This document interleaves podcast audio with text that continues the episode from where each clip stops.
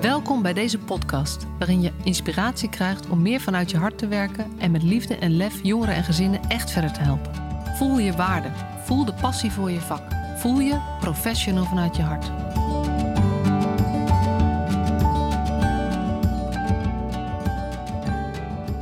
Welkom bij deze nieuwe aflevering van de Professional vanuit je hart podcast. En vandaag ga ik in gesprek met Mike van der Velde. Mike heeft een nieuwe uh, jeugd, ik weet niet of het een jeugdinstelling, jeugdorganisatie mag noemen in Alkmaar. Die heet Wij zijn Broer. En ik kwam dat uh, tegen op LinkedIn en ik vond de naam intrigerend. Daar zat een filmpje bij, dat, dat vond ik ook interessant. En toen las ik wat meer over Mike en ik vond het heel leuk om hem wat beter te leren kennen. Dus daarom nodigde ik hem uit voor mijn podcast. Welkom Mike. Dankjewel, mooie intro. ja, ja. ja. um, de vraag waar ik altijd mee begin. Ben jij een professional vanuit je hart? Um, uh, naar aanleiding van de uitleg die ik eerder van jou heb, uh, heb, mogen, heb mogen horen, uh, dan kan ik in alle openheid en eerlijkheid zeggen ja. ja. Ik ben een professional vanuit mijn hart. Ja. ja. En kan je daar iets meer over vertellen, wat dat bij je oproept of waar je dan aan denkt? Nou, voor mij is een professional vanuit zijn hart is eigenlijk iemand die werkt als mens met mensen. En niet iemand die vanuit zijn functie werkt met een cliënt. Ik denk dat dat de beste. Zo omschrijf ik het altijd. Iemand die werkt op, vanuit een stukje gelijkwaardigheid, uh, mens tot mens dus, in plaats van iemand die, uh, die een ander gaat vertellen hoe die zijn leven moet leven en uh, hoe het allemaal in elkaar zit, omdat hij nou eenmaal daarvoor gestudeerd heeft of iets in die trant. Ja, ja. nou mooi. Ja, dat is, nou, dat is wel mooi, want dat is ook de, een van de kerndingen die ik vaak noem, mens tot mens. En het woord cliënt, ik zei het net al even, dat, is, dat, dat woord alleen al is bijna vervelend. Of eigenlijk is het helemaal vervelend. Ik, ik gebruik het nooit. Nee, wat nee. knap. Hoe doe je dat?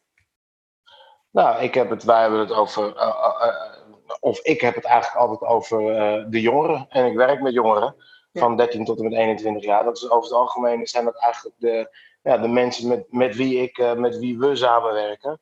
En, en op die manier praat ik daar ook over. Nooit over cliënten.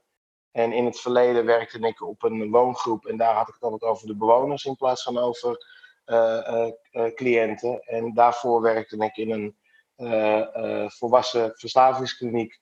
En daar hadden we het ook altijd over, deelnemers hadden we daar altijd over. Ja, ja, ja zo mooi. Dus de term cliënt heb ik in mijn hele carrière ook nog, nog niet of nauwelijks gebruikt. Ja.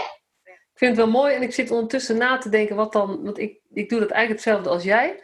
Maar ik merk dat ik in deze podcast soms vastloop omdat ik het over al die groepen tegelijk heb. En ze zijn niet allemaal jongeren. Ik zeg vaak jongeren en ouders, maar dan sla je ook weer groepen over. Dus dan kom ik toch tot de term cliënten. Maar daar moet ik nog zelf eens even wat mee. Uh. Um, voor de mensen die jou niet kennen, waaronder ik, wie is Mike van der Velde? Wie is Mike van der Velde?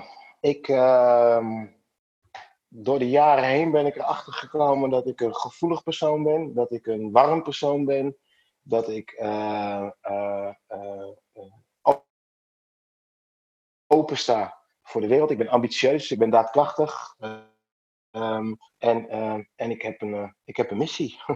ja, en, eigenlijk een jongen die best wel gevormd is door, door het leven en met alle ups en downs van dien. Uh, ben ik redelijk uh, nou, niet zonder slag of stoot uh, door, mijn, door mijn jeugdjaren heen gegaan.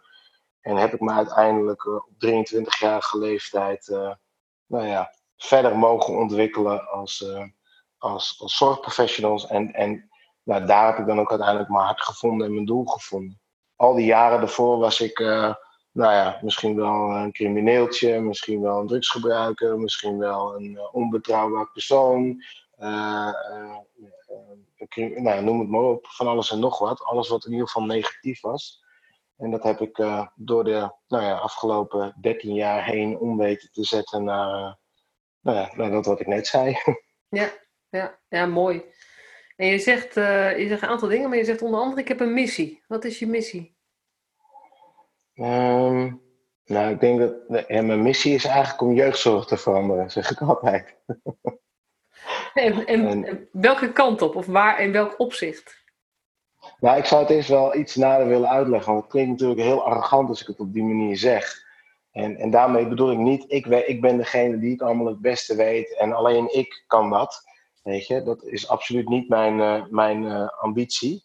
Ehm, maar ik zou wel heel graag uh, met datgene wat ik doe, andere mensen willen inspireren om nou, het soort gelijke te doen. Of, of in ieder geval ook vanuit, vanuit mens tot mens te werken, zeg maar. dus met, met datgene wat ik doe, andere mensen motiveren, inspireren uh, om hetzelfde te doen. Ja. En, en wat is er uh, anders aan jou? van, van, voor mijzelf. Ja. Sorry. Ja, dus de lijn stoort af en toe een heel klein beetje, dus ik hoop dat de luisteraars er niet te veel last van hebben. Maar wat is, want je zegt van, ik wil het wel veranderen, mijn manier. Wat is dan jouw manier? Wat is daar kenmerkend aan?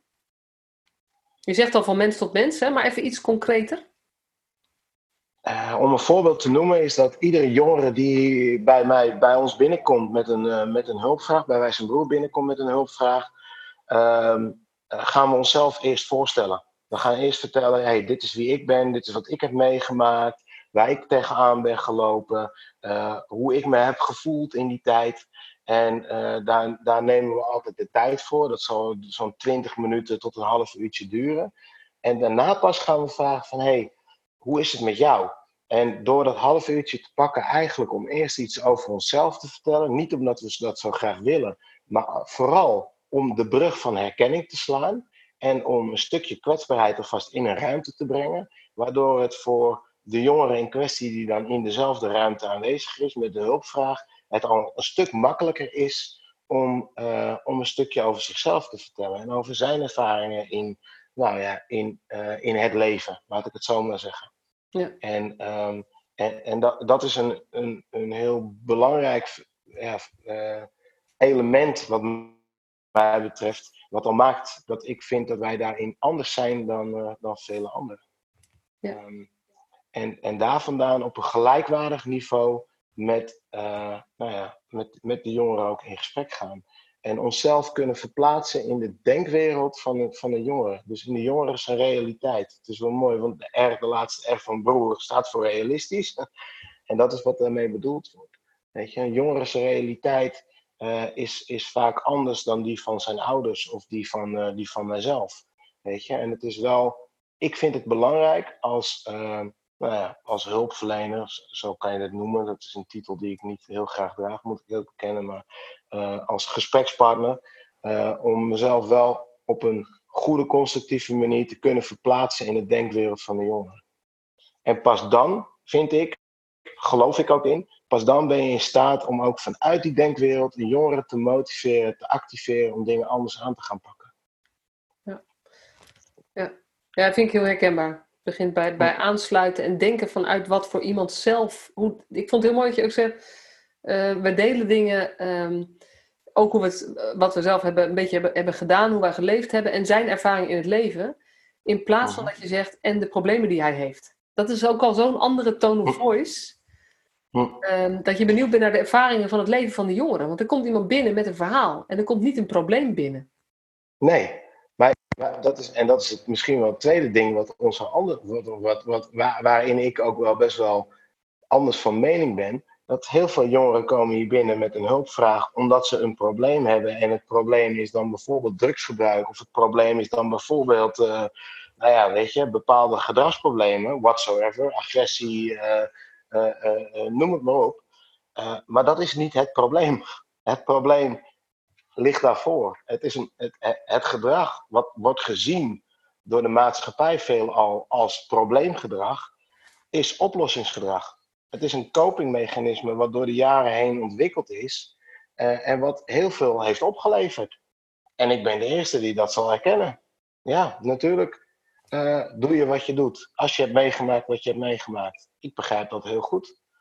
En, en, en dat is al een soort van thuiskomen voor veel jongeren. Als iemand dat tegen ze kan zeggen. Ja.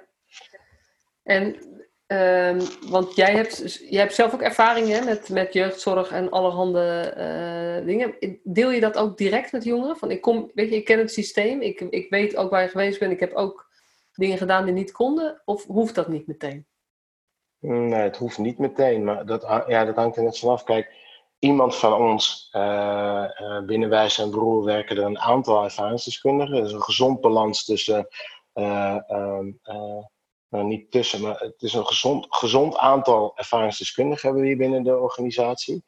Ehm, en een van die ervaringsdeskundigen vertelt vaak als eerste wel zijn verhaal naar de jongeren toe. Dus dat vind ik wel belangrijk. Dat hoef ik niet per se te zijn. Nee, je pakt dan even toch de rol van professional. Als je dat dan eventjes... Je zit daar niet om de ervaring te delen. Je hebt een ander stuk en je vraagt iemand anders om dat wel heel expliciet te doen. Uh, hoe bedoel je dat? Nou, je zegt, ik doe dat niet per se, want we hebben een ervaringsdeskundige, we hebben een aantal die dat wel uh, doen. Uh, en jij kiest er op dat moment niet voor, niet altijd in ieder geval, om dat wel te, direct te delen. Ja, maar dat heeft gewoon, dat is een agenda-technisch verhaal. Hè. Ik, heb niet altijd alle, ik heb niet alle tijd van de wereld. Dus in, in, veel gevallen, of in een aantal gevallen doe ik het. Maar in, uh, in veel gevallen doet een, uh, doet een collega van mij dat ook. Dus dat, is, dat is gewoon een verdeling. Ja. ja. En het hangt er ook wel eens vanaf. Hè. Als we een jongere krijgen waarvan ik weet, nou, dat, is meer, dat zou meer een match zijn met een, uh, met een collega van mij. Ja, dan is het handig dat mijn collega gewoon zijn verhaal vertelt. Ja, ja. Ja, ik heb ook uh, even de. Uh, je, had, je hebt nog geen tijd gehad om de podcast te luisteren. Um, uh, en de vraag is ook of je dat gaat doen, natuurlijk. Maar je had geen tijd gehad. Maar ik heb ook eentje opgenomen met Maurits Boten, dat is ook een ervaringsdeskundige. En die zegt ook: het is een profe ik ben professional met ervaringsdeskundigheid. Het is zeg maar. Um, en hij had, ook, hij had het nu over ervaringsprofessional. Dus dat, hm. dat, het, dat het eigenlijk nog te veel gescheiden wordt of zo. Dat je of professional bent, of je bent ervaringsdeskundige, terwijl het ook, je bent het ook gewoon allebei. Ja, weet je, het, ik moet je heel eerlijk zeggen, het interesseert me geen reet wat voor titel je me geeft. Echt niet. Weet je, ik gebruik gewoon de tools die ik heb meegekregen van het leven. En men noemt dat een ervaringsdeskundige. Prima. Weet je, en sommigen noemen het een professionele ervaringsdeskundige, vind ik ook prima. En sommigen noemen het alleen een professional, vind ik ook prima. Ik heb mijn papiertjes en ik, ben, ik heb ook een heel leven gehad. Kijk, ergens, als je het hebt over de term ervaringsdeskundige, wat is dat dan voor term? Is dat iemand die dan volledig hersteld is? Wat is volledig herstel? Is het iemand die uh, zijn levenservaringen heeft leren inzetten in uh, zijn daadwerkelijke werk? Want dan heb ik hier een heel, heel uh, team vol met ervaringsdeskundigen. Want iedereen wat mij betreft, heel veel mensen die in de zorg werken, hebben zelf ook vaak wel uh, de nodige obstakels in hun leven gehad. En hebben daardoor ook een bepaalde nou ja, ambitie gekregen om in de zorg te gaan werken en iets voor andere mensen te betekenen. Dus eigenlijk is dan ieder mens toch ervaringsdeskundig. Ja, maar dat is wat hij ook zei. Alleen ja. dat er in de. Uh, want ik herken wel dat het niet zo gewoon is om dat ook te gebruiken in je werk. En dat is wat jij zegt, dat, want dat doen wij heel expliciet wel. Ja, precies. Ja, precies. ik heb in het verleden samengewerkt met een, uh, en, en dat, dat is echt al een tijd geleden hoor, dat is zo'n uh, 10, 10, 11 jaar geleden ongeveer.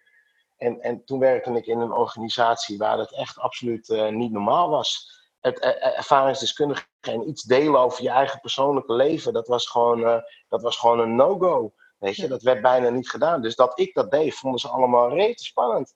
Er was een vrouw die liep nog steeds met de, met de trouwring om, terwijl ze wel al vijf jaar geleden gescheiden was van de man. dat wilden ze niet vertellen met de cliënten. Ja, dat kon, daar kon ik dan niet, uh, niet in komen. Dat is dan voor mij ook weer uh, zo gek. Maar hoe was, hoe was dat dan voor jou? Om dat dan wel te doen en de rest van je collega's niet? En weet je, je, je komt op mij over als iemand die zegt, nou weet je, jij, jij doet dan toch gewoon je eigen ding. Dus, dus dat, die kracht heb je gewoon wel. En dat is natuurlijk niet voor iedereen zo. Maar was het, lukte, lukte dat wel? Begreep je elkaar verder wel? Of was dit zo anders, jouw insteek nee. of van anderen? Nou ja, kijk, op heel veel gebieden communiceer je dan langs elkaar heen. Dus in, en vooral in MDO's of in, in overlegmomenten is dat, is dat wel eens lastig. Maar mijn, uh, mijn, uh, mijn zijn werd daar wel gewoon heel erg gerespecteerd tegelijkertijd was het ook af en toe wel lastig, want ik ben iemand die redelijk recht door zee uh, communiceert. Dus daarin ook af en toe wel eens choqueert en, uh, en iets terecht voor zijn raap is. Dus dat werd me niet altijd in dank afgenomen, maar tegelijkertijd uh, wist iedereen wel wat ze aan me hadden. Dus ik kreeg daar gewoon wel de ruimte om dat stuk daar binnen die organisatie in den tijden goed, goed neer te zetten. Het stuk van iemand met ervaring binnen binnen de organisatie halen. En dit is 10, 11 jaar geleden. Dus dat is echt wel, dat was nog in een andere tijd hoor, in de zorg. Ja, ja dus dat is heel anders. Uh, dus het is nu normaler, maar het is nog steeds niet. Er zijn nog steeds veel mensen die, professionals, die worstelen met: hé, hey, maar wat mag ik nou over mezelf vertellen en wat niet?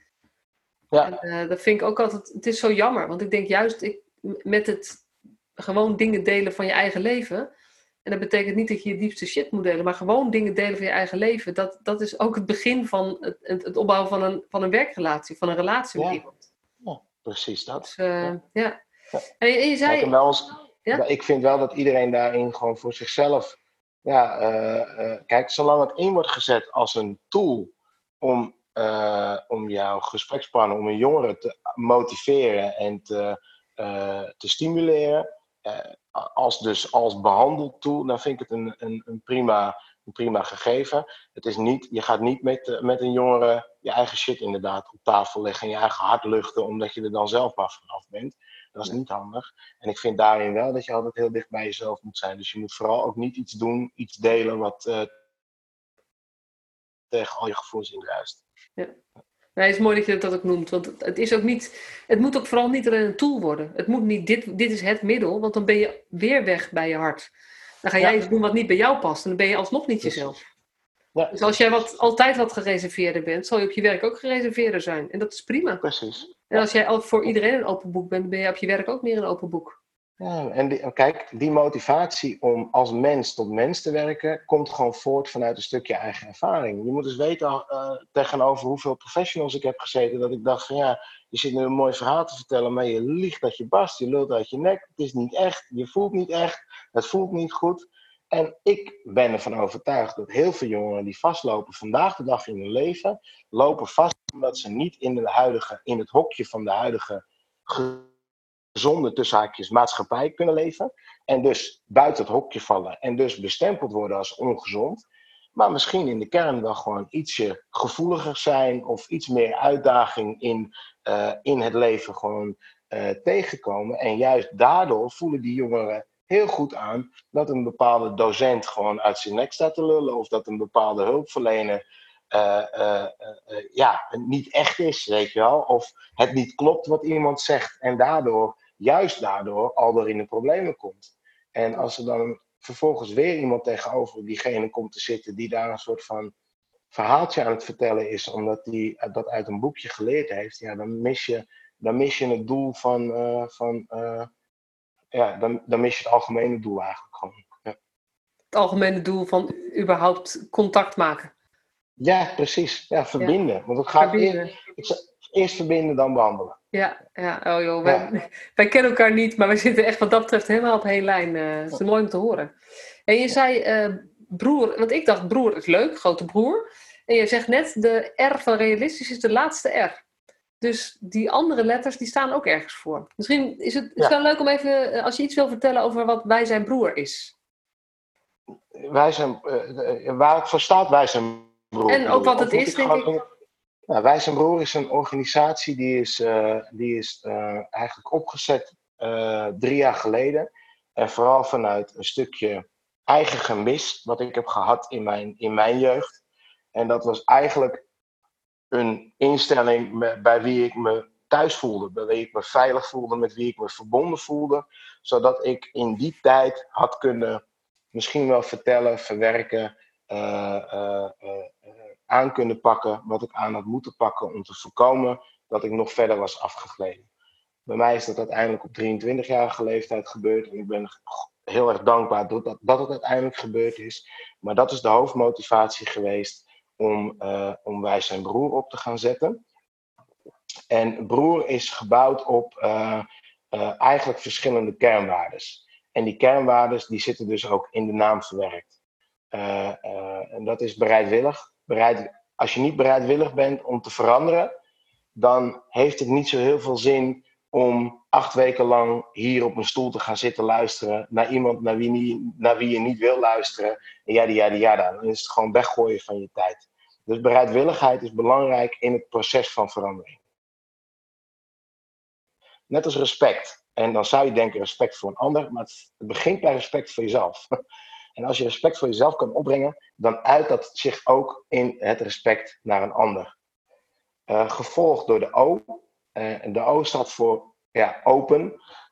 maar open staat in principe voor de term open-minded. Openheid van geest. Openstaan om eigenlijk te luisteren naar wat een ander eigenlijk te zeggen heeft. Om het vanuit een ander point of view de situatie te bekijken. En, en dat ook uit te gaan proberen. Eerlijkheid. eerlijkheid naar jezelf toe en eerlijkheid naar je omgeving toe. Uh, eerlijkheid naar jezelf in de zin van: hey, dit is waar ik sta en dit is wie ik ben als mens. Heel veel mensen, uh, en in mijn geval, in mijn carrière, vooral veel jongeren, hebben gewoon moeite om toe te geven dat ze misschien gevoeliger zijn of dat ze misschien bepaalde gevoelens voelen die ze voelen, waarvan zij hebben bedacht, die worden niet geaccepteerd als ik dat uitspreek. Dus ga ik het niet uitspreken en dus ga ik erover liegen. En daar begint het hele proces, het hele misschien wel destructieve kopingsmechanisme op te spelen, waardoor ze eigenlijk alleen maar ja, verwijderd raken van zichzelf. Ehm, dus dat is de E van eerlijkheid. Gevolgd door de R van, van realistisch. En ik ben van mening dat die, die, die laatste R is al, die staat altijd ter discussie. Weet je, wat is nou de realiteit? Wat zijn nou realistische doelen? Wat kan je nou wel, wat kan je nou niet? Ik bedoel, als ik vroeger naar, uh, naar mijn uh, leerkrachten had geluisterd van de basisschool, dan was ik nu een timmerman geweest. Weet je? En als ik had geluisterd naar mijn uh, decaan van de middelbare school, ja, dan had ik nu al langer vastgezeten. En als ik had geluisterd naar het advies van mijn ouders, en God zegen mijn ouders, en ik hou zielsveel van ze, maar dan had ik ook een beroep gedaan wat, wat inhoudt dat ik met mijn handen moest werken. En dan was ik nooit in te nemen uh, zelfstandig ondernemer geworden, want dat zit allemaal te veel risico's aan en dat kan allemaal niet en dat kan allemaal niet. Dat is te moeilijk dit, te moeilijk dat. Weet je? Dus wat is nou realistisch? Wanneer is iets nou realistisch? En dat is, dat is iets waar wel uh, uh, goed naar gekeken moet worden voor, um, bij het maken van een toekomstplan. Als je al een toekomstplan gaat maken. Wat is nou wel realistisch, wat is niet realistisch? Dat vind ik, als je al een toekomstplan gaat maken, dat vind ik een interessante opmerking. Ja. Want, leg eens uit, dat, je, dat is een, uh, dat, daar zit een verhaal achter. Nou, het is een keuze. Kijk, ik bedoel, ik denk dat als je net uit. Uh, uh, ik heb twee levens, zeg ik altijd. Mijn ene leven is van, van mijn geboorte tot aan mijn 23ste. En mijn tweede leven is vanaf mijn 23ste tot aan, nou, tot zolang het duurt, hoop ik. en ik hoop nog heel lang. Um, en in mijn eerste leven, tenminste toen ik net op mijn 23ste eigenlijk in herstel kwam en mijn leven om heb gegooid, was ik nog niet in staat om ook. Uh, ik had wel een droom, maar ik was nog niet in staat om dat ook in een heel. Uh, uh, realistisch kader te stoppen, zeg maar. En om ook heel erg al uh, uh, na te denken over wat past er nu bij mij? Wie ben ik nou eigenlijk? Waar sta ik nou voor? Wat zijn mijn normen en mijn waarden? Wie, wat zijn mijn kwaliteiten? En noem het maar op. Dat is een proces geweest. Dat is een investering geweest die zeker een jaar heeft geduurd. En in dat jaar heb ik wel gewoon gedaan wat ik moest doen. En dat staat op één, voor mezelf zorgen. En op twee, zorgen dat ik mijn huur kan betalen en mijn verantwoordelijkheden kan nemen. Weet je, mijn financiële verantwoordelijkheden. En zo on en zo. En, en in dat jaar, door aan mezelf te blijven werken, ben ik er steeds meer achter gekomen wie ik nou eigenlijk ben. En hoe ik nou eigenlijk in elkaar zit. En wat nou absoluut niet bij me past. En wat nou wel heel erg bij me past. Weet je? En daardoor ben ik uiteindelijk, ben ik, is dat vuurtje gaan branden om te gaan doen wat ik nu, wat ik nu doe. Maar 12, 13 eh, jaar geleden had ik niet het idee van, nou, ik ga een eigen instelling opzetten, want ik weet het allemaal en, da, da, da, da, en dat kan ik wel bla bla bla bla. Nee, dat tegenovergestelde. Ik dacht, uh, ik kan dat niet. Ik uh, ben uh, twee keer, drie keer gezakt voor school. Ik heb geen diploma. Ik kan niks. Ik, ik, weet je wel? Ja. Ik, kan, ik kan geen eens een mailtje opstellen, bla bla bla bla bla. Nou ja, het, het, de waarheid blijkt iets genuanceerder. De realiteit is, is, is iets genuanceerder. Ja ja.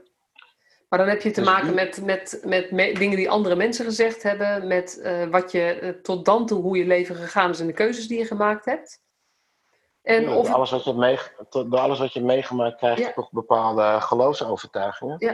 En die geloofsovertuigingen, die krijg je er maar op één manier uit. Door ze aan te gaan. Door daar het tegendeel in te bewijzen. En dat is een proces. Dat kan je niet vanaf dag één gaan doen. Nee, nee.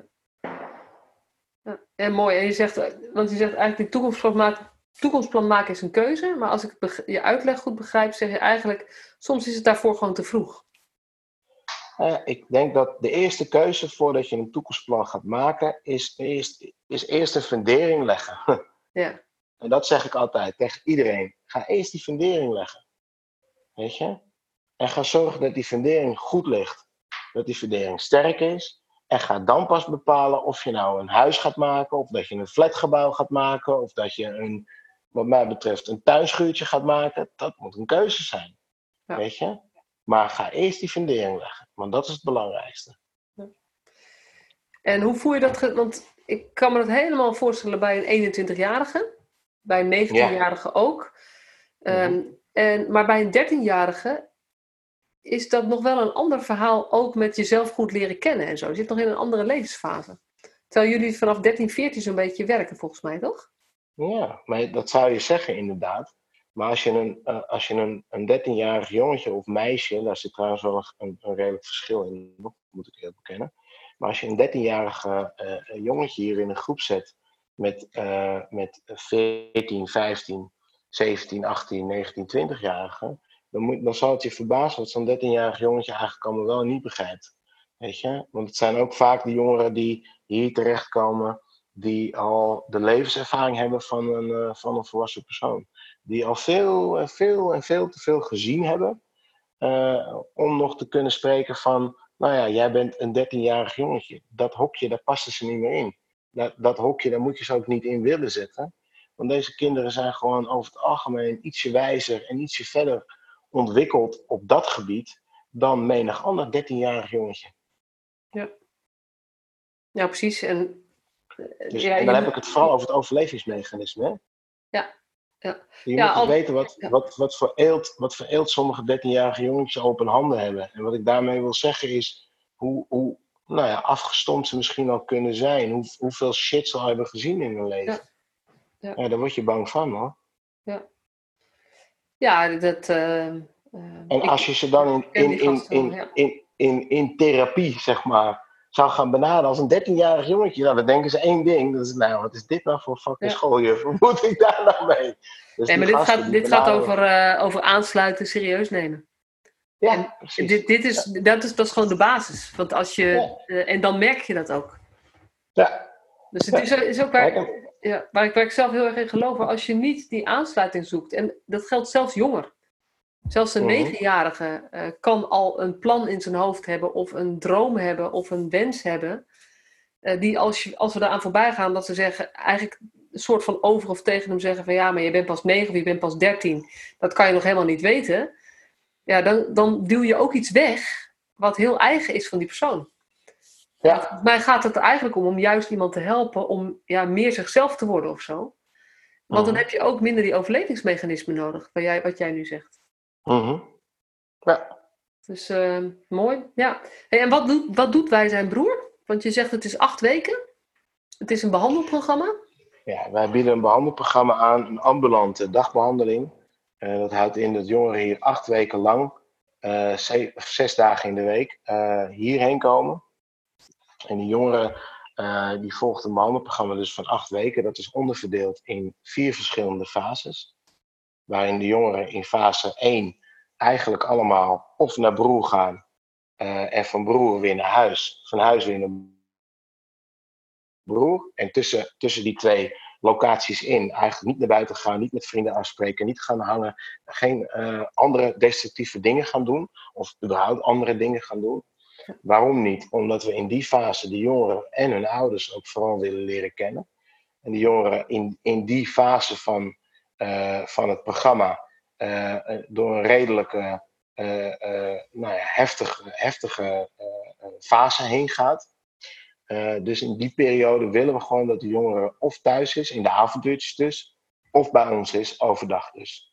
Um, in die fase werken we ook heel goed en nauw samen met ouderverzorgers. Dus die bellen wij op wekelijkse basis veel ouders die brengen hun jongeren ook naar ons toe en, en halen ze weer op. Uh, en om de week komen ouders bij ons op gesprek. Na, na is eh, even, even voor, eh, eh, want jullie krijgen eh, jongeren binnen, jullie zijn er voor jongeren die eigenlijk op andere plekken niet meer zo makkelijk binnenkomen, volgens mij. Mm, ja, dat is een be- beetje het beeld wat wordt geschetst. En dat komt omdat we gewoon een heel intensief programma hebben. Maar dat is niet per definitie voor jongeren die al heel veel andere eh, behandelprogramma's hebben doorlopen. Oké. En ik zeg dat met een lach, omdat heel veel jongeren eigenlijk- eigenlijk al best wel een beetje kapot zijn gemaakt door, eh, door de zorg, vind ik persoonlijk. Dat zeg ik met enige voorzichtigheid ook, maar ik zeg het wel. Nou ja, ja dat, dat denk ik ook. Ik denk dat eh, hoe meer verschillende dingen er gedaan zijn, hoe verder je vaak weg bent van de oplossing. Ja, en hoe vaker die jongeren denken, ik heb gefaald. Ik kan Ja, het niet. ja. Ik, zie je nou wel, ik ben anders. Ja, precies. Maar dat zijn dus, jullie krijgen niet alleen maar dat soort jongeren binnen. Jullie krijgen ook jongeren binnen die, waar gewoon wel, er zijn wel dingen echt aan de hand. Jullie vallen onder specialistisch eh, GGZ volgens mij, hè? Ja, dat klopt. Dus, eh, Ze komen niet binnen voor hun zweetvoetjes. Dat niet. nee, nee, precies. Maar de- dus, en, en wat voor soort dingen zijn er dan aan? Wat voor, wat voor jongeren moet ik me voorstellen? Agressie, regulatieproblemen, eh, ja, eh, een, een persoonlijkheidsstoornis in ontwikkeling, eh, eh, verslaving van alle soorten, gamen, eh, wiet, cocaïne, eh, nou, noem het maar op, alle middelen die je maar kan bedenken.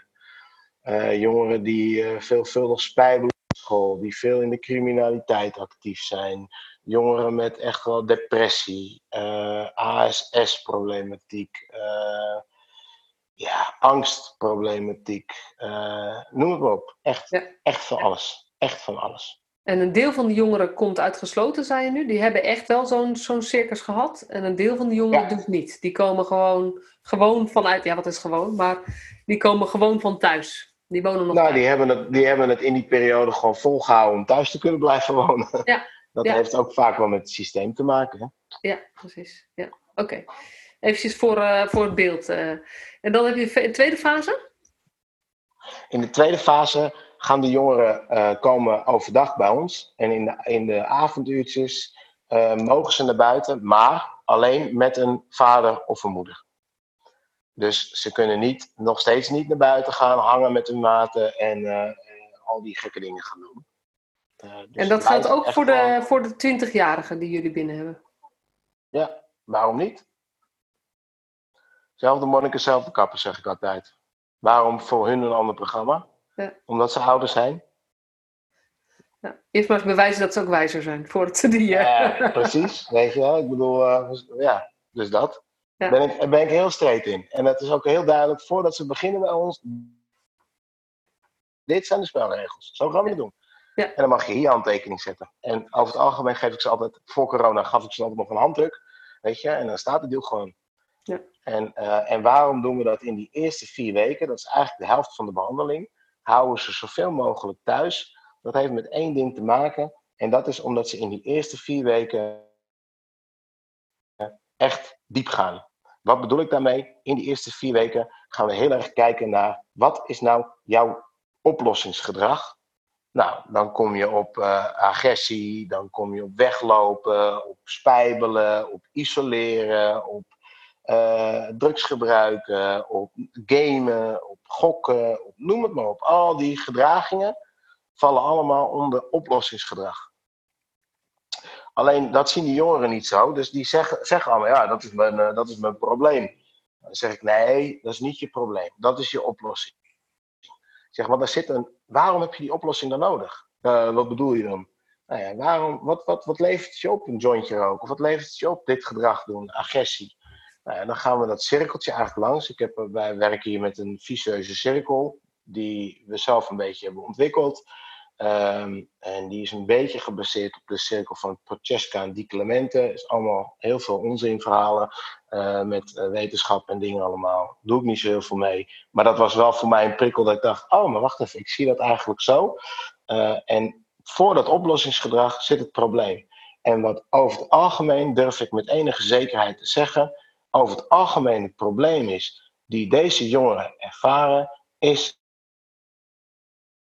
op wat voor manier dan ook een tekort aan verbinding. Ik ben een gevoel van anders zijn, een gevoel van niet serieus genomen te worden, een gevoel van buiten het zwarte schaap zijn, uh, gevoel van ik ben niet goed genoeg, gevoel, dat, dat zijn allemaal, je kan het allemaal categoriseren onder één noemen en dat is tekort aan verbinding. En dat gaan we onderzoeken. En dat ga ik ze niet in de mond leggen, want dat is, dat is iets wat in het groepsproces binnen Wijs en Broer heel erg belangrijk is. Die jongeren komen allemaal binnen op week 1, maar die komen in een bestaande groep binnen waarin jongeren al vier weken zitten, drie weken, zes weken, zeven weken. Dat is één. Daarnaast komen er hier overdag in normale tijden, moet ik zeggen, nu met corona is het ietsje genuanceerder allemaal, komen heel veel oud-broergenoten komen ook nog langs. Broergenoot is een, het staat voor cliënt. Ja. oud-broergenoten die komen hier veelal langs, ook om hun verhaal te vertellen. Uh, en om uh, gewoon koffie te drinken en omdat ze het gezellig vinden.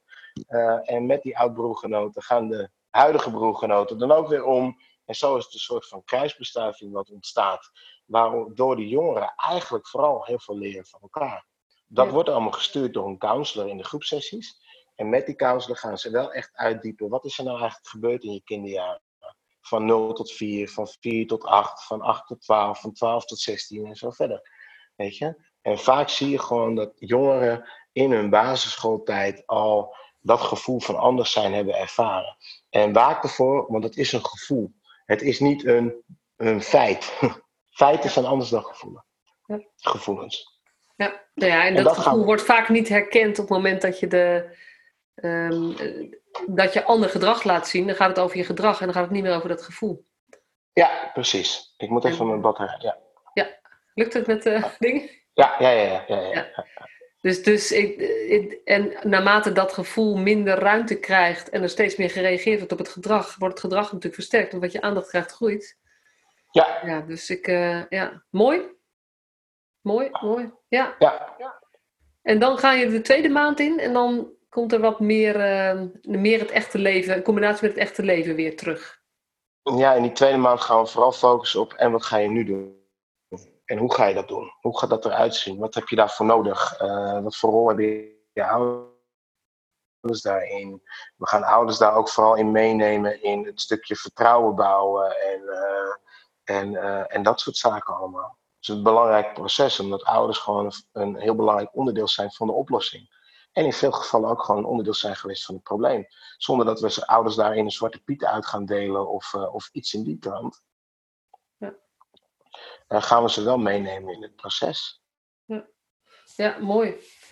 Mooi. En, en wat, je, wat je zegt van eigenlijk, dat, dat, dat eh, raakt me wel, dat tekort aan verbinding.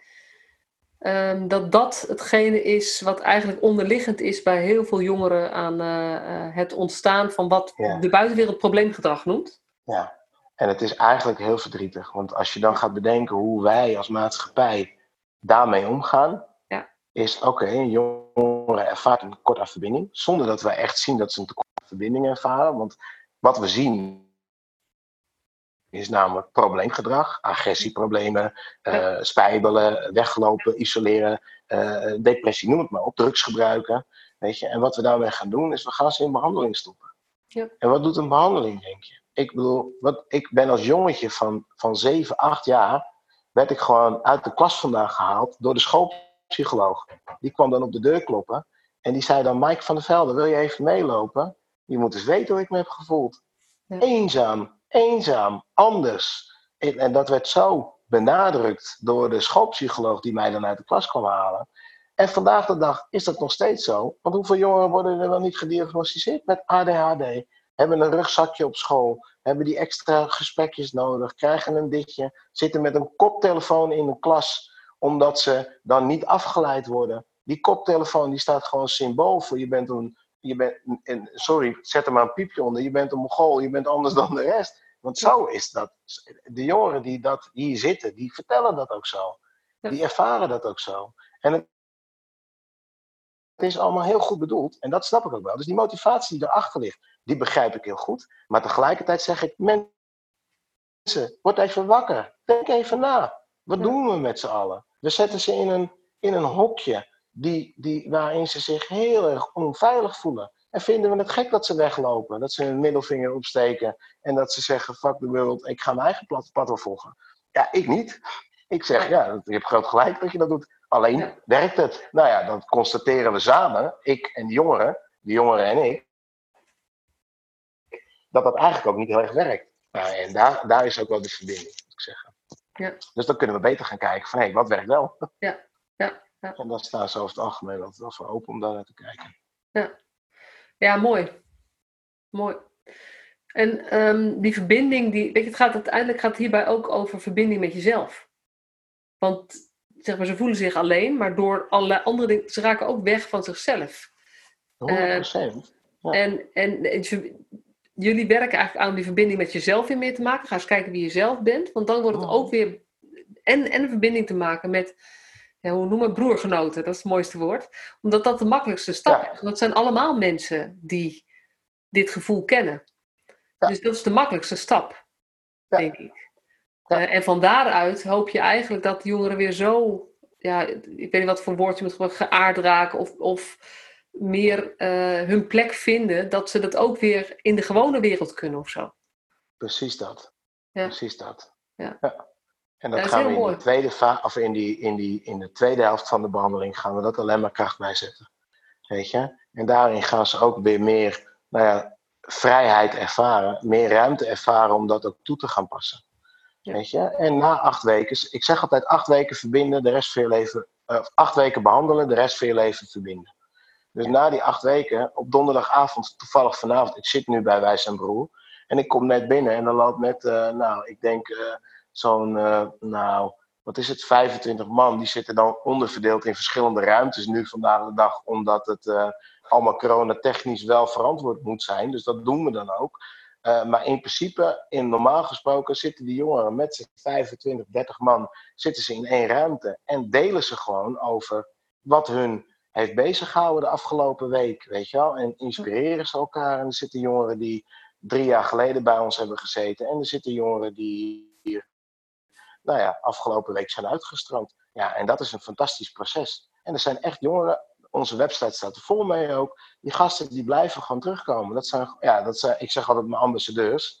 Ja. Je hebt broergenoten, je hebt oud-broergenoten en daarna heb je ambassadeurs. Ja. Weet je, dat is een beetje zo gegroeid. Maar dat zijn echt de gasten die ook meegaan op, uh, weet ik veel, op, op een werkbezoek of zo ergens. Weet je. Dan word ik weer uitgenodigd om ergens te komen vertellen over wat wij zijn broer doet. Ja, dan denk ik, waarom zou ik dat doen? Als, als een jongere, die kan dat toch veel beter doen. Ja. Ik ben de directeur dus ik zal alleen maar een goed verhaal vertellen. Als je het echte verhaal wil, dan moet je even van die jongeren vragen. Ja, ja. ja, en het is ook wel mooi, want het, het, het um, ik vind ook dat we als professionals wel veel bewuster moeten zijn hoe klein onze rol in, hun, in het leven van zo'n jongere of zo'n gezin eigenlijk is. En uh, het mooie vind ik dat jullie ook een combinatie maken voor, uh, voor, voor contacten die blijven, maar dan is het niet door je als professional veel meer te verbinden, niet alleen, maar doordat je uh, met broergenoten onderling dat je daar veel ruimte voor hebt. En dat daar, dat zei je ook, daar zit bijna het grootste leerrendement of zo. Ja. Van elkaar luisteren, met elkaar praten, met elkaar sparren, van elkaar horen. En merken Ja. dat je niet alleen bent. Ja, precies. Ja. Precies. Ja, ik vind het heel mooi eh, en ik zou heel veel willen vragen, maar ik, eh, onze tijd is, eh, is op, zo'n beetje. Zag, Dus-. Gaat snel, hè? Ja. Dus ik zou je eigenlijk vragen, is er nog iets wat je graag zou willen toevoegen aan alles wat je verteld hebt? Of ehm, hebben we, zijn we iets vergeten? Je nog iets meegeven aan de luisteraars? Mijn luisteraars zijn veel professionals in de jeugdzorg en de nou, brede jeugdzorg, ook zorg voor jongvolwassenen. Nee, ik zou zeggen, volg altijd je gevoel. Als je gevoel zegt, er klopt iets niet, dan klopt er iets niet. En als je gevoel zegt, ik moet iemand een knuffel geven, geef hem dan alsjeblieft een knuffel. En als je gevoel zegt, ah, dat doet zeer, laat het dan ook alsjeblieft gewoon zien. Weet je, ben jezelf en wees echt. Want die jongeren die voelen dat als, als, als geen ander. Ja, heel mooi. Dankjewel voor deze En dat lezen ze. En aan, aan de hand van gaan ze ook. Ja, Ja. mooi. We spraken weer even door elkaar heen. Maar Ik wou, ik wou, ik wou nog iets zeggen, ja. Ja. Ja, aan de hand daarvan, wou ik zeggen, aan de hand daarvan gaan, gaan ze je altijd schalen op een bepaald niveau. Oh, je bent betrouwbaar, je bent absoluut niet betrouwbaar, of je zit er ergens tussenin. Weet je, dus hoe echter je bent, hoe betrouwbaarder je bent. Punt. Punt. Oké. Dankjewel voor deze mooie laatste woorden. Want eh, eh, dit is, eh, geloof ik echt dat het hierover gaat. En ik hoop dat je veel mensen hebt, hebt geraakt met het verhaal. Dankjewel voor je mooie uitleg. en ehm, nou, ik ga je met zeer veel interesse volgen. Want ik ben benieuwd of wij zijn broer nog gaat uitbreiden naar andere plekken en zo. Zijn daar, heb je daar plannen voor? Plannen zijn er altijd, zeg ik dan maar. Een, mens moet dromen, anders leeft hij niet. Ja, precies, maar niet concreet. Jullie zitten in Alkmaar, hè? Even voor de, voor de luisteraars. Ja, wij zijn in Alkmaar. We hebben nu een, uh, een locatie in Alkmaar waar wij uh, uh, een groep jongeren kunnen bedienen. nu, in ieder geval nu op dit moment tot 14. maar daar, is, daar zit een groeimodel in tot maximaal 2 keer 10. 2 keer 10 jongeren. En daarnaast zullen wij een eventuele vestiging kunnen openen elders in het land. Maar eerst maar eens even goed uh, dit neerzetten in Alkmaar. Ja, en ik wil vooral klein blijven. Dus we, ik twee keer tien jongeren uh, vind ik echt uh, groot genoeg op één locatie. Zodat het ten alle tijde persoonlijk is. Dat de schoonmaakster weet wie die is. Dat de, direct, de, de directeur of de manager of weet ik veel. En van de automethode die het zootje denkt aan te kunnen sturen, dat die die is. Dat eigenlijk dat we iedereen elkaar gewoon kennen. Dat is het belangrijkste, vind ik allemaal, van alles. Omdat dat juist de verbinding ten goede komt. En daarna, als de hulpvragen meer worden, of als de, als de behoefte meer is, groter is, ja, nou, dan kunnen we altijd gaan kijken, gaan brainstormen over een tweede locatie uh, verderop, zeg maar. Dus dat. Ja, nou, en dan zou ik wel op locatieniveau zou ik gerust wel willen groeien, maar dat gaan we zien. Ja, ja, dat vind ik dan weer leuk om te weten. Hè? Ik ben ook ondernemer en uh, ondernemersplannen zijn ook altijd leuk. En het gaat uiteindelijk niet over de onderneming, maar het gaat wel over iets wat werkt. Hoe kan je daar uh, meer van doen? Want dan kan je meer jongeren helpen. Ja. Super, dankjewel. En uh, ik wens je nog een hele fijne avond met al je broergenoten. ja, dankjewel. Die zijn nu naar huis hoor. Die, die zijn, die zijn naar hun papa's en hun mama's toe. Dus papa's en mama's. Nou, dan wens ik je gewoon een fijne avond sowieso. Dankjewel. En uh, nou ja, je bent welkom als je een keertje in Alkmaar bent. Geef me een belletje en uh, kom lekker langs, zou ik zeggen. Ja, dankjewel. Misschien uh, komt het er een keertje van. Wie weet. We gaan het zien. Ja? Oké. Okay, okay. Dankjewel. Doei. Superleuk dat je weer luisterde naar deze podcast. Dankjewel. Nog even kort een paar belangrijke dingen. Ten eerste, het is mijn missie dat de jeugdhulp weer een sector wordt waarin bevlogen, liefdevolle professionals jongeren en gezinnen echt verder helpen. Daarom maak ik deze podcast voor jou. Wil jij deel uitmaken van deze beweging van Professional vanuit je hart, waarin professionals elkaar steeds opnieuw inspireren? Begin dan met het lezen van mijn boek. Je kunt de eerste hoofdstukken helemaal gratis lezen. Ga naar professionalvanuitjehart.nl/slash boek. Ten tweede, wil je alle podcastafleveringen overzichtelijk onder elkaar? Abonneer je dan op deze podcast. Klik in je podcast-app op de button subscribe of abonneren. En elke keer als er een nieuwe podcastaflevering gepubliceerd wordt, ontvang je automatisch een berichtje. Ten derde, ondersteun je mijn missie? Geef me dan een review via je podcast-app, bijvoorbeeld iTunes of Spotify. Op die manier kan ik nog meer professionals bereiken. En ken je een collega voor wie deze podcast ook interessant is? Dan zou het super zijn als je hem of haar de podcastaflevering doorstuurt. Bijvoorbeeld door de link te kopiëren via Spotify. Ik vind het altijd heel leuk om berichtjes te ontvangen van luisteraars om te horen wat je van een podcast vindt, of als je misschien vragen of suggesties hebt. Of als een aflevering je een bepaald inzicht heeft gegeven of er iets in beweging is gekomen. Stuur me dan even een berichtje op masha.professionalvanuitjehart.nl via de website of stuur me een connectieverzoek op LinkedIn.